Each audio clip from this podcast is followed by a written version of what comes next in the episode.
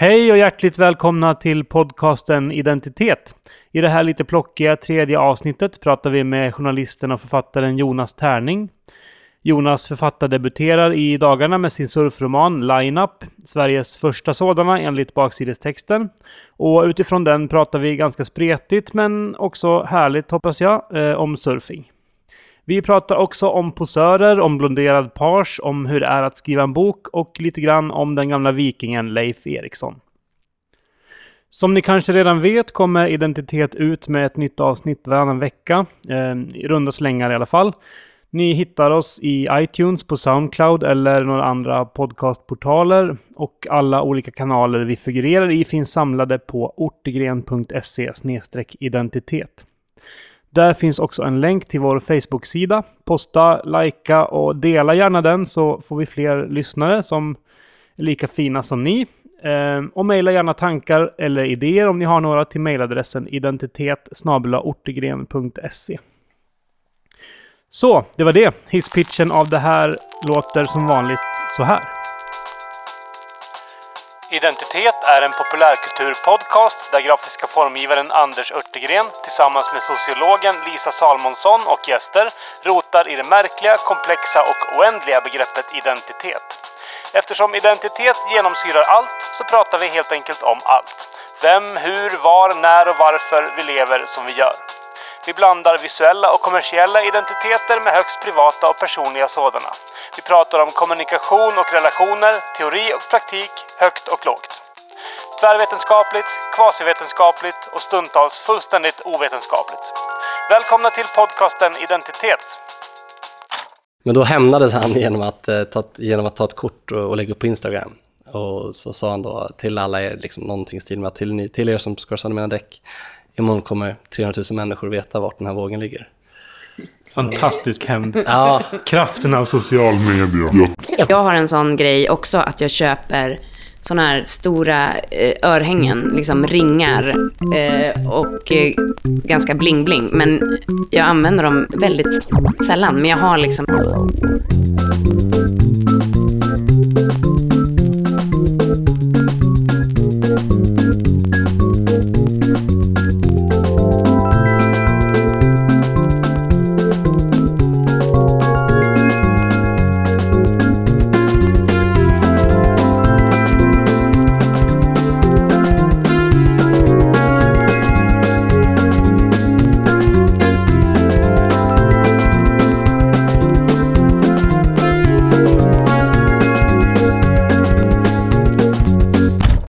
heter som sagt Jonas Tärning, är journalist som jobbar som redaktör eh, på tidningen Café.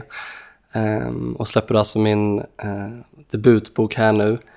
Ehm, den heter Lineup, utspelar sig i Sydney, Australien, i eh, backpacker och surfkretsar.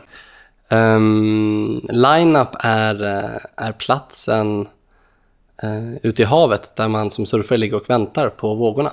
Ehm, det är ju också ett engelskt ord för kö. Man ligger helt enkelt i kö. Det handlar om att vågen bryter på en specifik plats och den som är närmast vågens brytpunkt har då rätt att ta den vågen. Och när någon annan är på vågen får ingen annan hoppa på. För att då förstör man upplevelsen. Att vara local, är det också en, eh, en, en problematik kring att om man är en så kallad local så känner man att man har rätt till en plats där folk som inte kommer från orten inte har rätt att vara? Absolut, så ja. är det ju. Ehm, då, då, har man rätt till en plats till en våg och man har då företräde. Ehm, och man får ta hur många vågor man vill. Och man kan ignorera det här kösystemet, så att säga. Det här inofficiella kösystemet. Ehm, och den fulaste formen av, av lokalism, som det heter då, är ju det att, man, eh, att de eh, hämnas på, på de, vad ska man säga, besökarna. Sätter punka på bildäck är en sån vanlig sak. Det är ganska viktigt att understryka att det här är så här avarten av surfing. Det är liksom så en procent. 90 procent av alla lineups är väldigt trevliga och så här, det vill jag ändå börja med att säga någonstans. Um, men, men det är något fascinerande också i den här att, att, uh, att det finns alltid inte bara frid och fröjd i lineup. Nej. Vi, eh, jag såg ju på något form av socialt media. Ja, Kelly Slater, världsmästaren, eh, legenden, eh, surfingens liksom, Eh, Eh, Lionel Messi eller ja, världsledaren Barack Obama eller vem, vem som helst. Eh, han eh, har dominerat sporten de senaste 10-15 åren. Eh, han eh, surfar mycket på Hawaii, givetvis, där han bland annat har hus. Och eh, var då på ett så kallat secret spot, som det heter, en våg som är inofficiell eller som inte är så, inte så välkänd. Eh, och kom upp därifrån och han är alltså då motsvarighet till gud inom den här sporten. Och då hade de skurit sönder däcken på hans eh, jeep just för att han var där. Eh, för han attraherar ju media och kameror och nyfikenhet, så då kan det ju komma fler folk och upptäcka den hemliga vågen. Men då hämnades han genom att, eh, ta, genom att ta ett kort och, och lägga upp på Instagram. Och så sa han då till alla er, liksom någonting i stil med att till, till er som skar sönder mina däck, imorgon kommer 300 000 människor veta vart den här vågen ligger. Fantastisk hämnd. Ja, Kraften av social media. jag, jag tror dock inte han genomförde det, för då hade han faktiskt bränt sina hawaiianska broar tror jag. Jaha. Synd. På tal om eh, platsens betydelse så har jag ju som eh, sociolog här då eh, varit ute och, och hittat lite vetenskapliga studier kring surf. Och bland annat dök jag på en artikel som en man på 70-talet, 1973 skrev. Han heter John Irving, som inte då ska bla- beblandas med andra John Irvings. Men artikeln heter i alla fall Surfing the Natural History of an Urban Scene. Och där pratar han ganska mycket om det här, eh, det här folkliga fenomenet som då under 60-talet så blev det en boom på, i, i Kalifornien är det här då. Och fler och fler började surfa och det var just då det här fenomenet om att vissa var mer riktiga surfare och andra var det inte. Det hade inte funnits innan. Och eh, då pratade han om att det fanns en massa ord som kom upp i med det här och bland annat eh, who-dads eller who-daddies som var liksom eh, benämningen på de som eh, ja, inte var riktiga och bara tyckte att surf var en cool grej, men de liksom bara gjorde det mer för att det var coolt och inte att det var på riktigt. I, idag säger man, det finns flera ord, eh, surfing är fantastiskt på så sätt att det finns extremt många slangord. Men ett av dem är just kook som är eh, ehm, ja, en beskrivning av någon, lite grann har idag även betydelsen att vara en nybörjare, men, men det började någonstans att just att vara någon som hänger i surfmiljöer och eh, utger sig för att vara väldigt mycket en surfare, fast faktiskt inte surfar. Ehm, men just attraheras av allt det andra runt omkring. Sverige är väl en ganska bra grogrund för kooks inom surfing. För att eh, vi sköljs över av allt det här kommersiella. Allt, alltså vi kan se lockelsen i surfing. ehm, på, jag menar, ehm, på, på tv-reklamer eller ja, affischer i butiken. Eller jag menar, vi har eh, klädesbutiken och allting här. Men förutsättningarna för att faktiskt surfa är eh, hyfsat små jämfört med internationellt.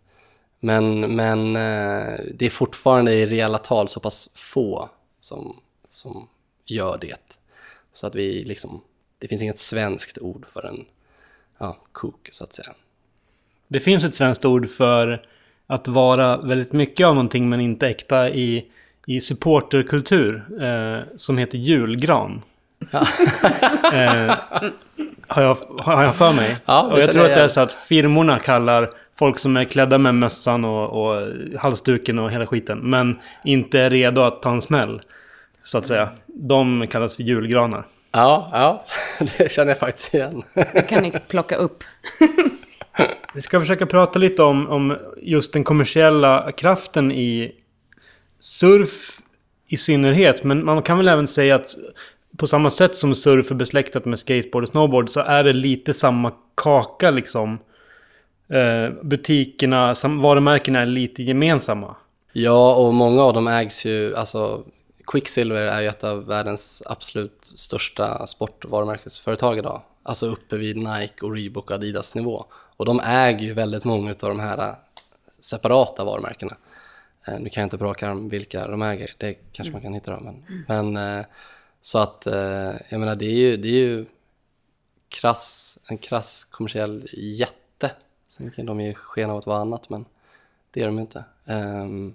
Det finns ju en dubbel natur i alla, nästan alla extremsporter om man ska säga. I att just på ett sätt märkes hetsen i att ha de rätta grejerna. Och kanske mera då att det blir de som är cooks som är hetsigast i den kampen.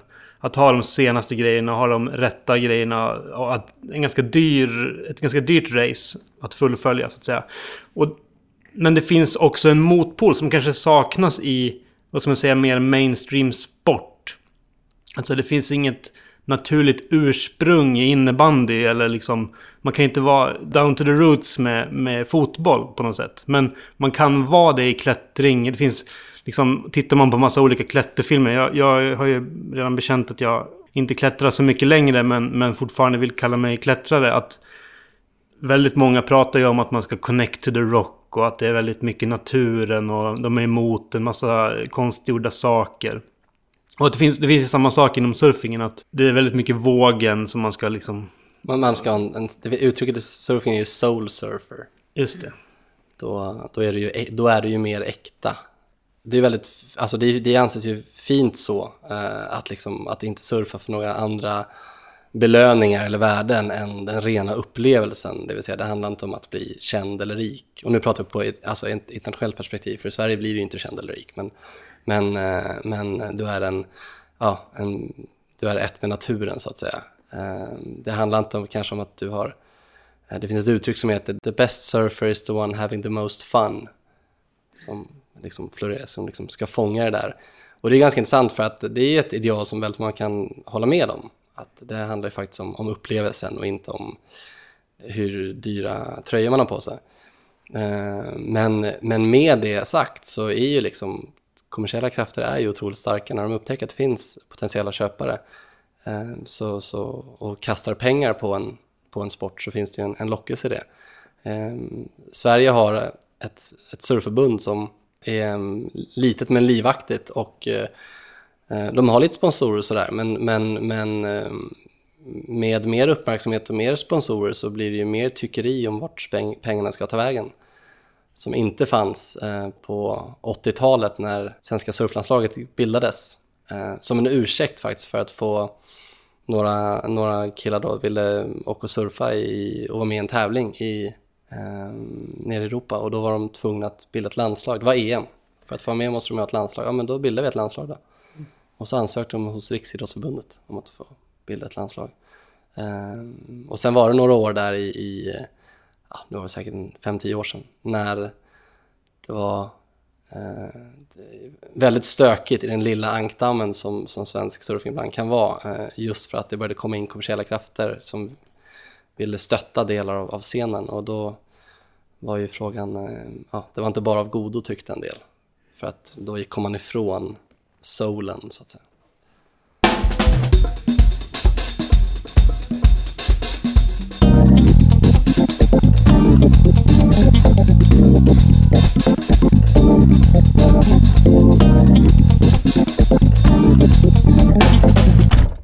Det är dags för identitetsbikten. Ehm, för nykomna lyssnare är det vignetten då vi eh, biktar oss i någon form av identitetsmarkör som vi har på oss. Eller bär på något annat sätt. Det kan ju lika gärna vara en, en dialekt eller ett födelsemärke som att eh, ha valt skor så att säga. Eh, på dagens tema så eh, pratar vi helt enkelt om subkulturmarkörer. Jonas, du tänkte att du får börja. Absolut. Um, jo, jag kallar mig själv eh, surfare, så jag vågsurfar. Men uh, mängden vågor jag har tagit de senaste åren, då jag blivit ja, pappa till två barn och, och fast anställning och en massa annat, är ju inte i närheten av vad uh, folk kanske tror att jag surfar. Om de till exempel då läser min bok. Ehm, jag är betydligt bättre på att skriva om surfing än vad jag är på att faktiskt surfa. Eh, men, men det är ju ändå en sån liksom, stor del av min identitet att jag väldigt gärna vill hålla fast vid den trots att jag ehm, ja, har allt, spenderar allt mindre tid i vattnet de senaste åren. Eh, då har jag ehm, mina Vans-skor som jag årligen köper. Ett par svarta i skinn.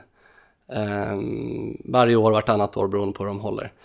I övrigt ser jag, ska jag säga, har jag inte så många surfattribut. Eh, men, men de där vänskorna håller jag ivrigt fast vid. Jag köpte dem årets version för ett par veckor sedan.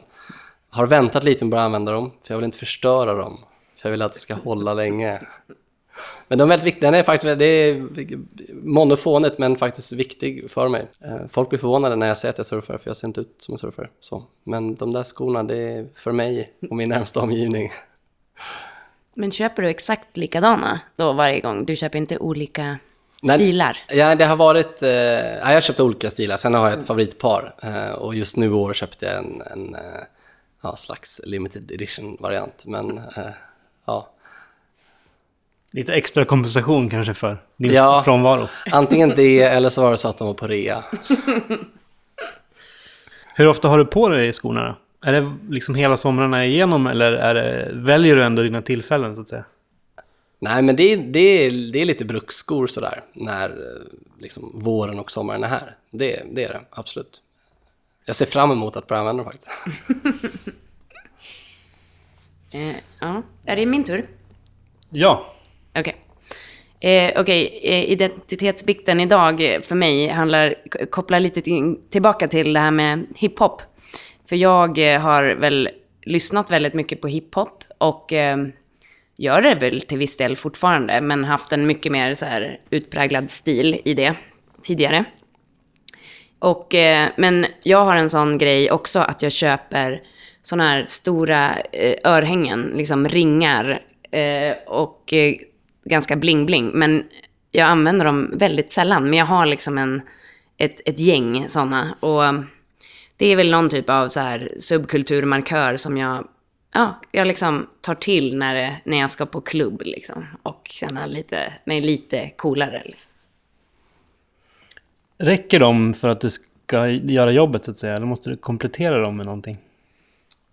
Jag, det skulle jag, jag, men det är lite grann som Jonas tror jag, i det att, att det känns för en själv lite som att man eh, är med, eller ja, kan knyta an till någon, någon identitet som man liksom har, lite grann har släppt. Men eh, jag tror inte, absolut inte jag passerar som hiphoppare, utan, men det är mer liksom, det känns bra själv att så här, nu tar jag på mig de här festliga örhängena och då blir det roligt. Det är kul, eh, jag har inte tänkt på det tidigare, men att man har... Det är lite kanske som min klocka som jag pratade om första avsnittet. Att, att klockan för någon annan inte är tydlig åt ett visst håll, men att det för en själv är liksom... Det är lite toppen på isberget. Att ser man den så har den så otroligt mycket mer värde för en själv. Att den påminner om många andra saker. Som gör att, att den är det enda man själv behöver.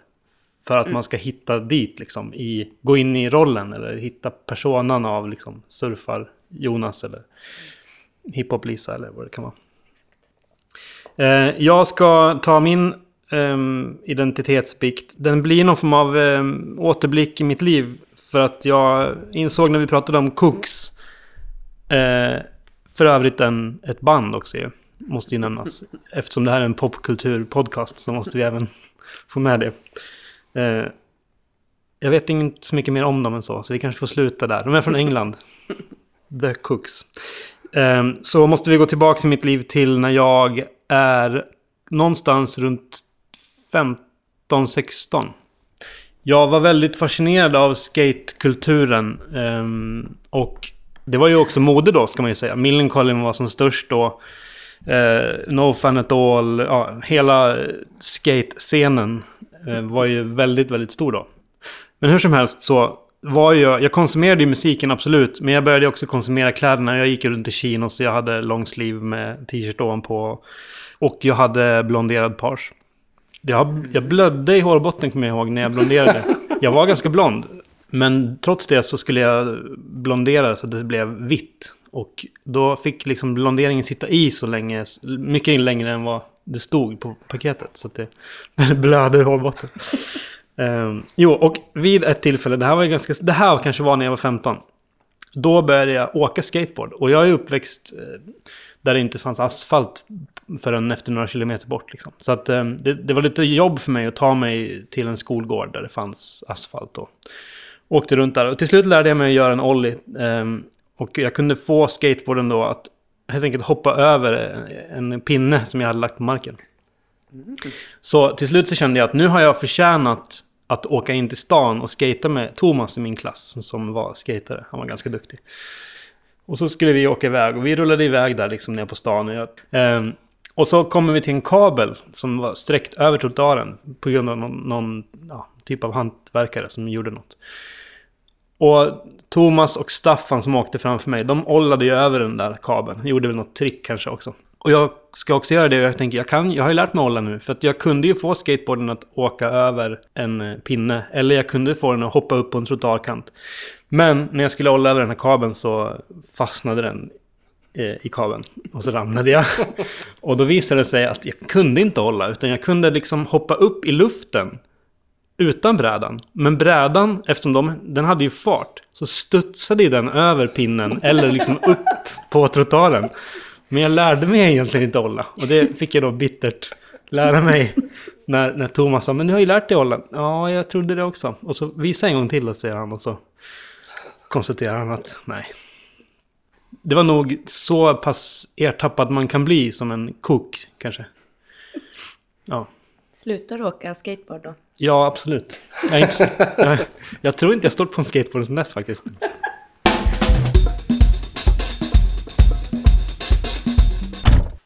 Apropå Jonas, eh, vi har pratat om dina Vans nu. ehm, Och du har berättat om blekt hår eh, dessutom. Och att du inte längre ehm, signalerar så mycket surf i din, dina val av kläder och så vidare. Kan du gå igenom eh, historiemässigt för oss bara kort hur, om det här liksom har, tyngdpunkten har fördelats om på något sätt genom, genom tiden så att säga?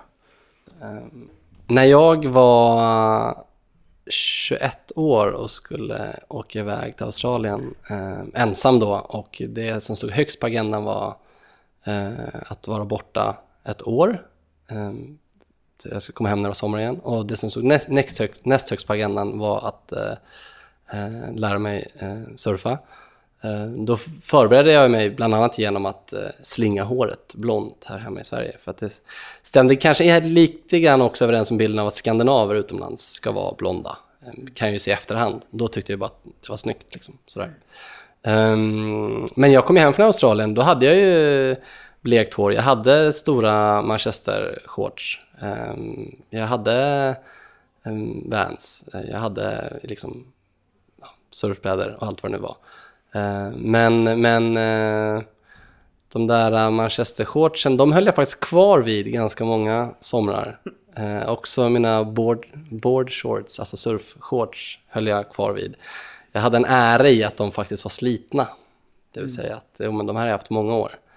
Eh, även när magen började puta ut över kanten höll jag, höll jag kvar vid dem. Eh, men idag, idag har det nästan svängt, att jag har en ära i att inte ha en sån attribut. Att jag tycker det är liksom, ja men de som vet, vet. Så. Ehm, och eh, det är väl något lite fisförnämt i det egentligen. Jag fick en teori om det där när jag, eh, lång historia kort, ska vara med i ett löplopp. Jag har inte inte betalat än. Så att ska vara med är inom någon form av situationstecken. Eh, men jag har tänkt börja träna för ett lopp oavsett.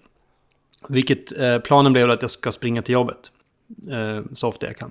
Och jag gjorde det första gången i förrgår. Men det var när jag snurrade på mig de här skorna och någon form av löpartights och en löparjacka som jag har av någon anledning. Ehm, och springer till jobbet. Så inser jag att jag, när jag möter folk, jag är ganska ensam om att jogga till jobbet. Eh, just då, för jag ser ingen, det är inte så att jag kan bonda med någon som springer. Utan alla andra promenerar eller cyklar. Och jag möter ögonkast eh, förstås. Man gör ju det när man transporterar sig. Att man råkar titta i varandra i ögonen. Hemska tanke. Och då inser jag att jag är så hungrig efter bekräftelse på att jag vill att så här, se ut som att oh shit, springer du till jobbet? Eller någonting. Jag var så mån om att de skulle titta på mig som en löpare. Eh, och då insåg jag att varför är det så här? Det är inte så att jag går runt och ber om bekräftelse i att se på mig som en... Någon som kan musik eller hoppas du ser på mig som en grafisk formgivare. Det är för att jag... Förmodligen är det för att diskrepansen diskrepansen mellan mig och löparen är så stor. Så att i, för att jag ska liksom ha överseende själv med det gapet så måste jag ju få hjälp. Liksom. Ju närmare man själv kommer idealet som man har, till exempel att vara trygg i att vara en surfare, så behöver man inte längre signalera det till andra. Medan jag som en ovan löpare kanske måste signalera löpare. För att jag måste få bekräftelse i den löparrollen. Så att säga. Just det, ja. Så måste det ju vara ju. Alltså just för att eh, jag var uppe i Åre förra veckan och på, på flygplatsen så var det väldigt många som, eh, flyget upp till Östersund, så var det många som checkade in alla sina skidor och, och allt vad det nu var. Och då kom det tre killar, tre män i kanske 50-årsåldern. De här tre männen hade så gamla grejer. De var så otroligt trygga i sin skidåkning tror jag. Så de, och de hade, såna, de hade kanske då de här kläderna och jackorna och ryggorna som var fantastiskt häftiga i slutet på 60-talet. Och de sköt fullständigt i det. De ägde liksom det här vid incheckningen. Och det handlar väl just om det att de var så trygga i det. Samtidigt som jag, deras åkning kanske rent tekniskt skulle gynnas av nyare utrustning. Det vet jag inte. Men de var åt andra hållet. Mm. Det finns ju någon form av baksida av det myntet också, inser man ju, i att det finns människor som kan ta sig den envisa rollen, fjällräven-gubbe-rollen, liksom, för att det också är status. Och att det inte är en äkta trygghet, utan en fejkad trygghet. Jag kommer bli en Vans-gubbe om 20 år. Ja. Jag googlade lite om surfing också Jonas. Eh, på, inför dagens eh, inspelning. Surfingen kommer ju från början från Polynesien. Hävdar Wikipedia i alla fall. Eh, och 1767 skådades eh, aktiviteten för första gången av en europe. Eh, som finns nedtecknat i någon form av logg. Fartygslogg antar jag att det var någon som åkte över haven och tog för sig. eh, det här med att, att surfing är en, en, amerikansk företeelse, att det slog på 60-talet. Det är den bilden jag har haft om surfing generellt. Samtidigt som hela estetiken och musiken och hela surf populärkulturen föddes egentligen, kan man väl säga. Eh, så det är intressant. Jag vet inte om det här kan bli världens längsta resonemang, men jag tycker det är intressant att på samma sätt, vi pratade om, om eh, Gutenberg och tryckpressen första avsnittet. Den är också en uppfinning som inte alls uppfanns av honom. Det man brukar ge honom credit för är att han utvecklade att lösa typer, alltså att varje bokstav var en lös blykloss eh, som man kunde flytta runt och därmed göra återanvända varje bokstav efter att man har tryckt en sida så kan man göra det igen. Eh, det fanns både i Grekland och i Kina liksom, tusentals år innan han gjorde det. Utan det är en klassisk sån här... En europé gör det, därför är det första gången. Och man kan ju också egentligen, om man tittar tillbaka på förra avsnittet, prata om samma sak. Att, att USA uppfanns av, eh, eller vad heter det? Upptäcktes. Att USA upptäcktes av Columbus. Eh, och att man helt enkelt ser det så, men att man liksom mörkar lite grann att det faktiskt fanns ursprungsbefolkning där. Eh. För, förutom vi i, i Skandinavien som vill gärna påpeka att det kanske var en viking som upptäckte. Just det. Mm. USA. Var det Leif det eller? Ja, det var Leif. Någonting. Hette han Leif? Han, han, var väl, det är väl bekräftat att han var islänning tror jag, eh, som upptäckte Vinland eller hur det nu var. Men eh, vi, vi kan väl kalla honom skandinav istället, för då kan ju vi som svenskar ta oss lite Just det. ära. Mm. Men inget tal om ursprungsindian, ursprungsbefolkningen. Nej. Uh, och att det helt enkelt alltid är vinnaren som definierar det hela. Vinnaren skriver alltid historien. Um, vi får väl, det kan ju bli ett temaavsnitt framöver kanske. Um, mm. Vinnaren skriver historien avsnittet. Där vi pratar om saker som har stulits från icke-européerna får man väl tro att det är i all, de flesta fall. Jag har ju hittills de två senaste avsnitten eh, plockat upp eh, minst en historia från den här boken jag för tillfället är besatt av. Origin of Stories av Brian Boyd. Och eh, kan ju passa på med det även idag. Eh, på flera sätt faktiskt, eftersom du skriver en bok om surfing. Vi kan få in två poänger i en här. Eh, han ställer sig frågan varför vi är så benägna att producera och konsumera fiktion. Eh, underförstått när nu i vår moderna tid vi, vi, har så lite tid. Så är vi så benägna att lägga så mycket av den tid vi har på fiktion. Då menar han det är märkligt att vi gör det eftersom det är påhittade historier som alla parter vet att det är fantasier. Att det liksom borde vara ointressant för oss. Men han förklarar det med att man måste titta på människans evolution och att människan är ett djur och att alla djur leker för att liksom träna saker i, i fredstid som man måste klara. Eh, när, det, när man måste klara livhanken. Men man måste ha träna upp musklerna och synapserna för att kunna göra de saker som man inte får göra fel på. Um, och kattdjur de brottas och, och, när de leker och vi leker kull och herren på täppan och att det handlar om att träna flykt och jakt och försvar och, och så vidare. Uh, och att, att leka Eh, är centralt för oss djur, speciellt när vi är yngre, för att vi måste träna det här och därför så har vi fått ett belöningssystem där, som bygger på dopamin bland annat. Där vi liksom får massa nivåer av belöningssubstans för att vi leker. Vi tycker det, vi mår bra av det. Jag försökte på något sätt koppla ihop dopamin och dope. Att det skulle vara eh, knark, dope. Eh, en go några googlingar verkade faktiskt som att det inte är så. Eh, men vi kan sprida det ändå som en liten faktoid. Um, jo, och här nämner han bara i en bisats att uh, absolut, vi, vi leker kull och vi jagar varandra och vi tycker det är härligt. Men vi, vi njuter också om att återfå balansen eftersom det är centralt för vår överlevnad. i Kanske dels när vi smiter ifrån djur men också om vi vet jag, måste klättra i träd eller balansera på klippor eller vad det nu kan vara. Um, och att just fenomenet att tappa och återfå balansen är ju centralt i skateboarding, surfing, snowboarding och så vidare. Och han nämner bara det i en bisats. Men jag tycker det är fantastiskt att han lyckas förklara tjusningen i en hel sportvärld, en hel scen. Eh, med den enkla liksom, bisatsen av att det handlar om dopamin och att det handlar om att vi egentligen bara måste klara och återfå balansen. Men det var en ganska lång båge eh, om det där. Egentligen skulle, skulle jag komma till att Förutom då eh, att leka och få balansen så är ju människan ett, ett, ganska dåligt djur. Vi är ganska svaga och långsamma och så. Utan vår styrka har alltid varit att vår intelligens som dels har gjort att vi har uppfunnit talet och skriften som vi har pratat om. Eh, men att talet och skriften gör att vi enklare kan samarbeta. Och det är samarbetet som skiljer oss från andra djur. Det eh, har genererat Eh, en massa egenskaper hos oss som vi måste träna också. Som har att göra med att vi måste värdera hur pass mycket någon är benägen att gå in i ett samarbete, i ett system där man samarbetar. Vi måste kunna se om någon går att lita på. Och han menar på att fiktionen, eh, varför vi är benägna att ägna oss åt fiktion, är att fiktion är också eh, lek. Det är social träning i att vi ser eh, hur normer och beteenden fungerar hos, hos andra. Eh, påhittade andra, men ändå andra. Liksom helt enkelt är fiktion eh, en lek i att identifiera vem som ger och vem som inte ger i det här samarbetssystemet som vi lever i. Så att, att titta på eh, Desperate Housewives kan också ge samma dopaminpåslag som surfing kan göra. För att det tränar oss i att se minspel eller kroppsspråk eller om hur någon blir arg och varför eller så vidare. Och att det är det som du också gör när du skriver din bok.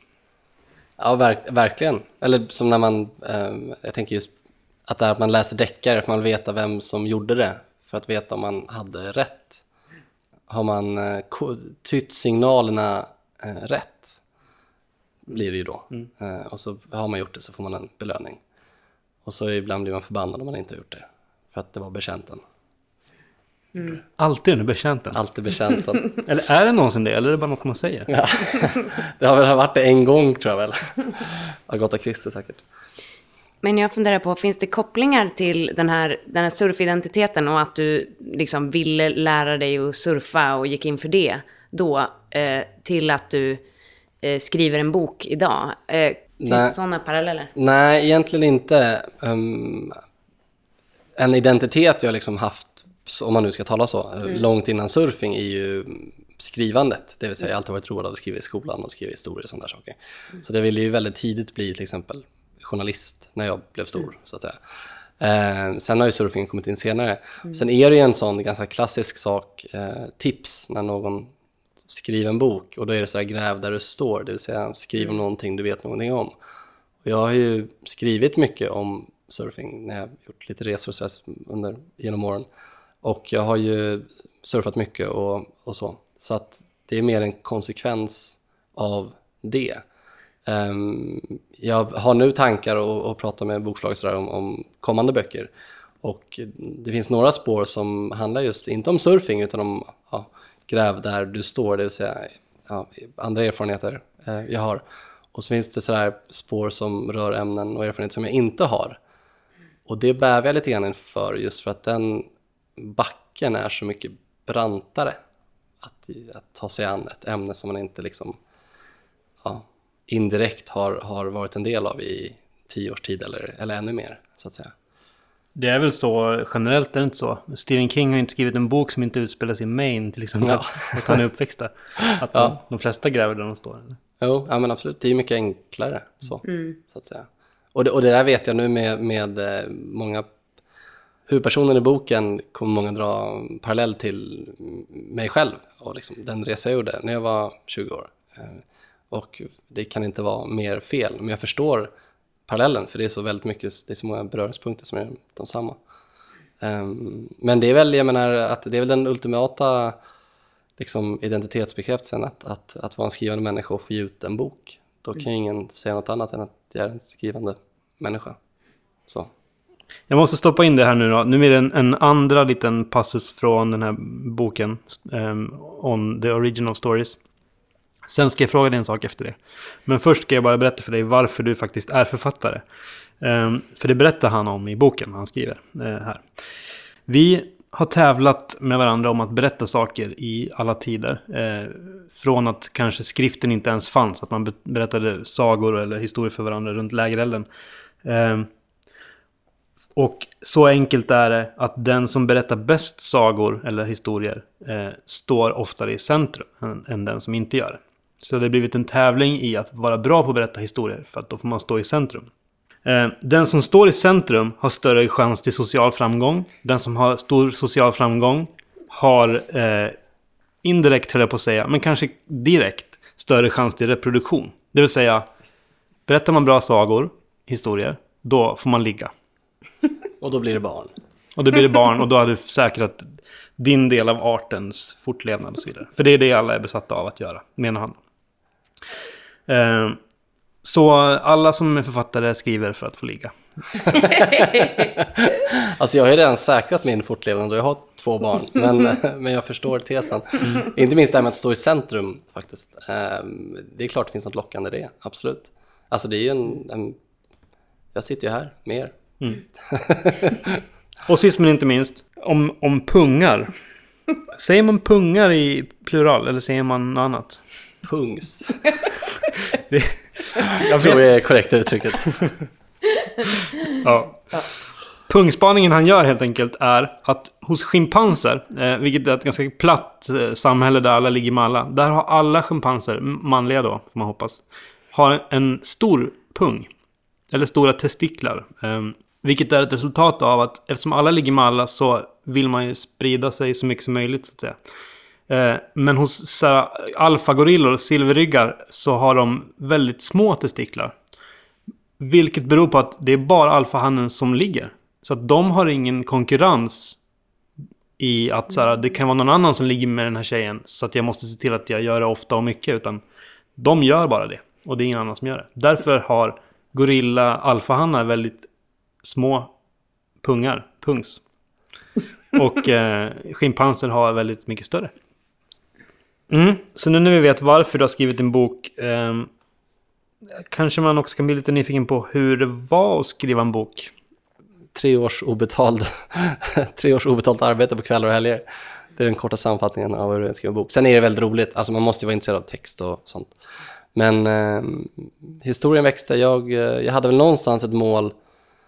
Eh, I grunden faktiskt ett nyårslöfte. Sådär, att nu ska jag börja skriva den, den här boken som jag alltid velat skriva okej, okay, vad ska den handla om då? Så där, det var i januari, månaden i januari jag började. Um, och då tycker jag att det har länge funnits en, en oskriven historia uh, som skildrar någonstans svenska backpackersvängen som är ett fenomen som är väldigt, väldigt gammalt. Liksom, varje år är det nya svenska 20-åringar som ger sig ut utomlands.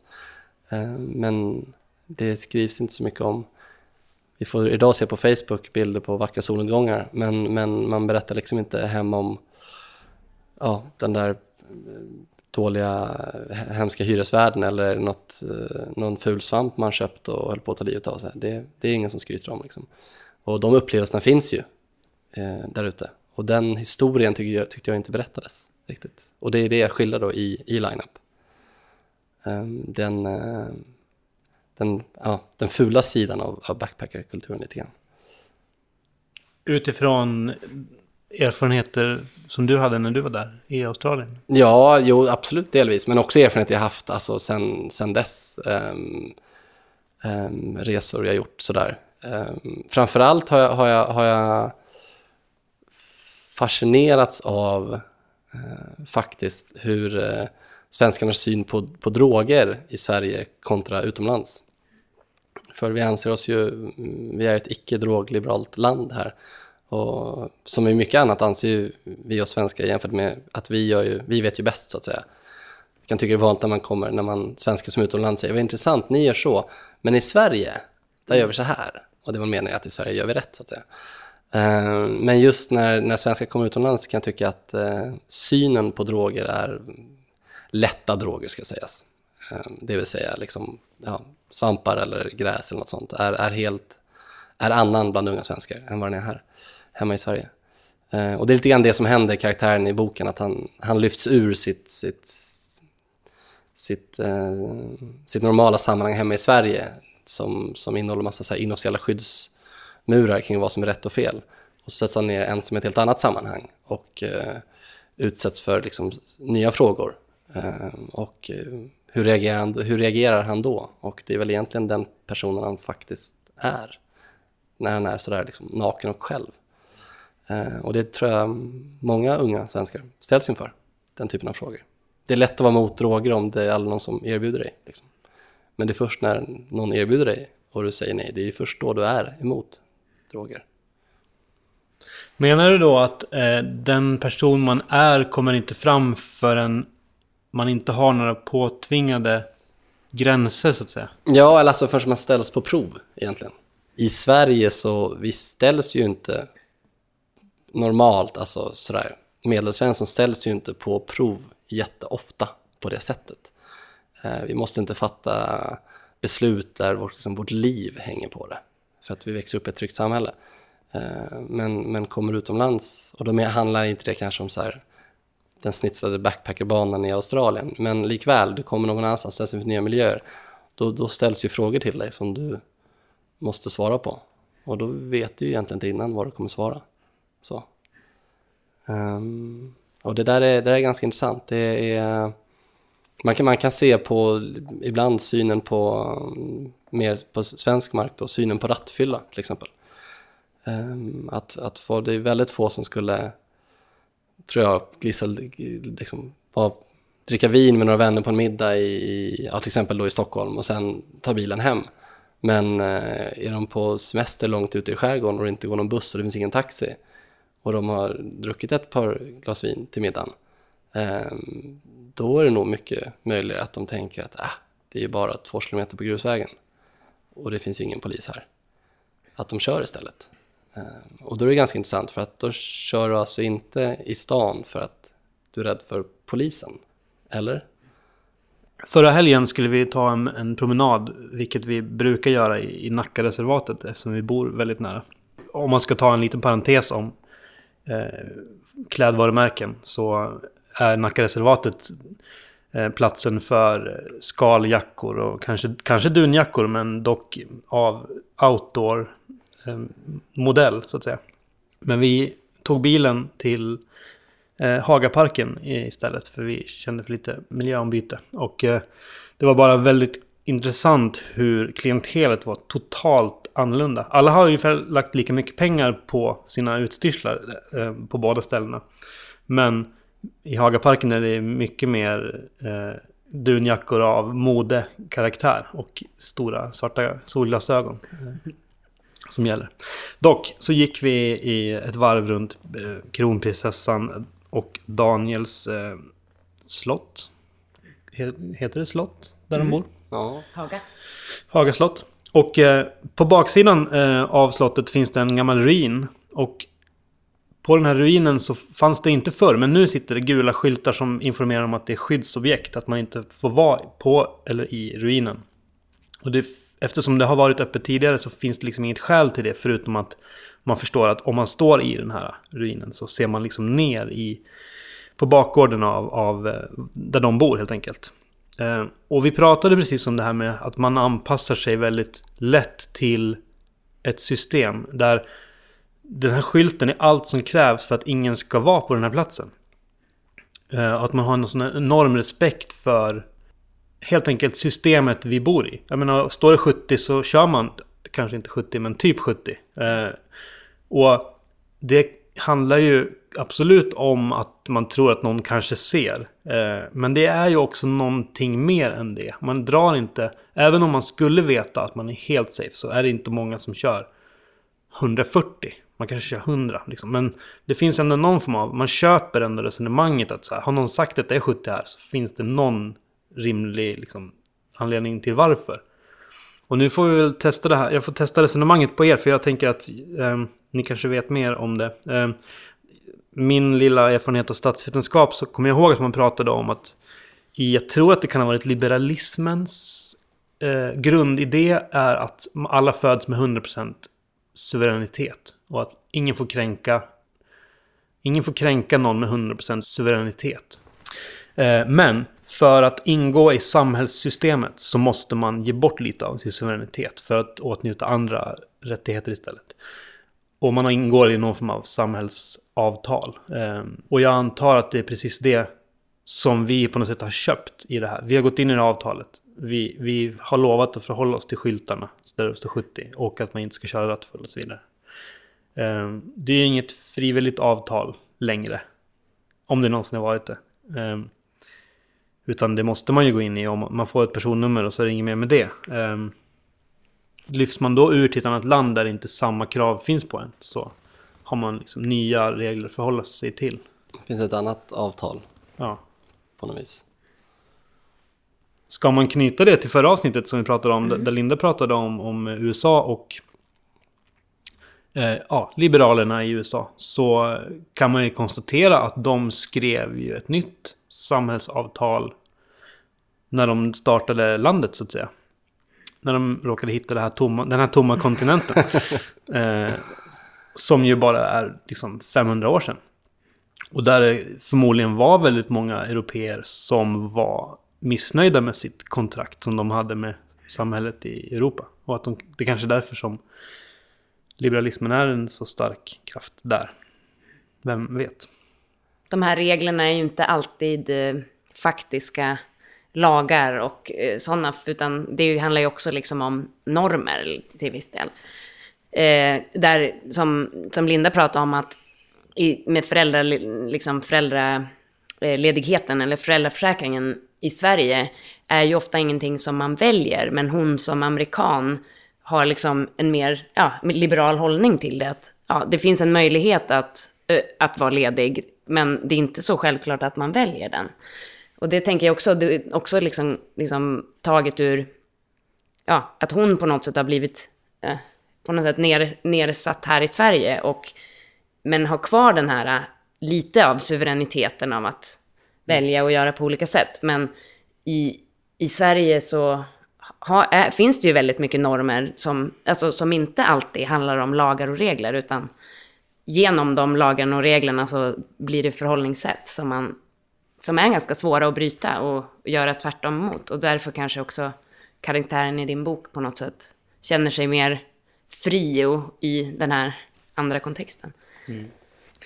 Eh, ja, men från eh, samhällskontrakt då och eh, kanske lite amatörspaningar kring liberalismens födelse så kanske vi kan knyta tillbaks till surf-lineupen som ju också måste vara någon form av kontrakt där det finns hierarkier och man ingår i en, ett system där man får eller inte får paddla.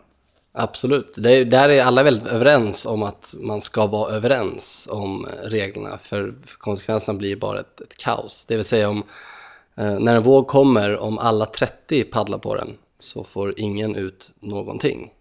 Men om vi istället är överens om vem som har rätt till att paddla på den så kommer den personen få väldigt mycket utav det. Och så får du bida din tid där i line-up, för till slut blir det din tid att ta vågen. Och då kommer du få den där belöningen som den ensamma åkaren. Så, så eh, där är det i allra högsta grad så att alla är överens om, om reglerna för att det gagnar alla. Det kallas för altruism va? Att, att vara givmild på sin egen bekostnad för att gynna andra.